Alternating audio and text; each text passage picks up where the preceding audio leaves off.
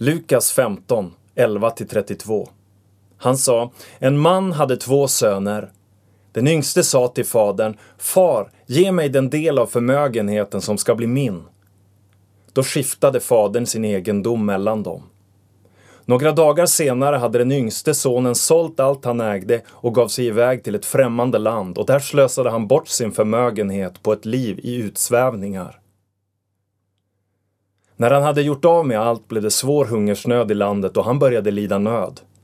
Han gick och tog tjänst hos en välbärgad man i det landet och denne skickade ut honom på sina ägor för att vakta svin. Han hade gärna velat äta sig mätt på fröskidorna som svinen åt, men ingen lät honom få något.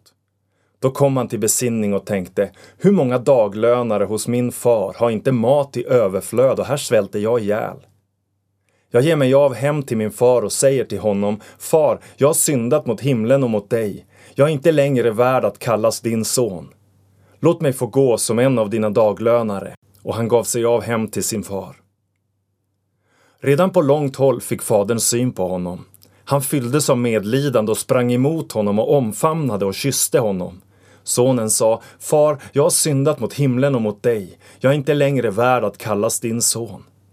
Men fadern sa till sina tjänare, skynda er att ta fram min finaste dräkt och klä honom i den och sätt en ring på hans hand och skor på hans fötter. Och hämta gödkalven och slakta den så ska vi äta och hålla fest. Min son var död och lever igen, han var förlorad och är återfunnen. Och festen började.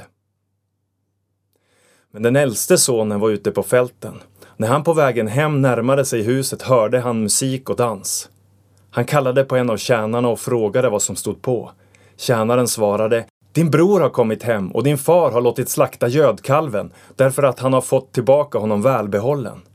Då blev han arg och ville inte gå in. Fadern kom ut och försökte tala honom till rätta.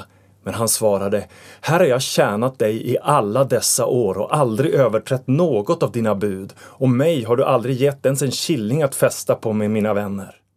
Men när han kommer hem, din son som har levt upp din egendom tillsammans med horor, då slaktar du gödkalven. Fadern sa till honom, mitt barn, du är alltid hos mig och allt mitt är ditt. Men nu måste vi hålla fest och vara glada, för din bror var död och lever igen. Han var förlorad och är återfunnen.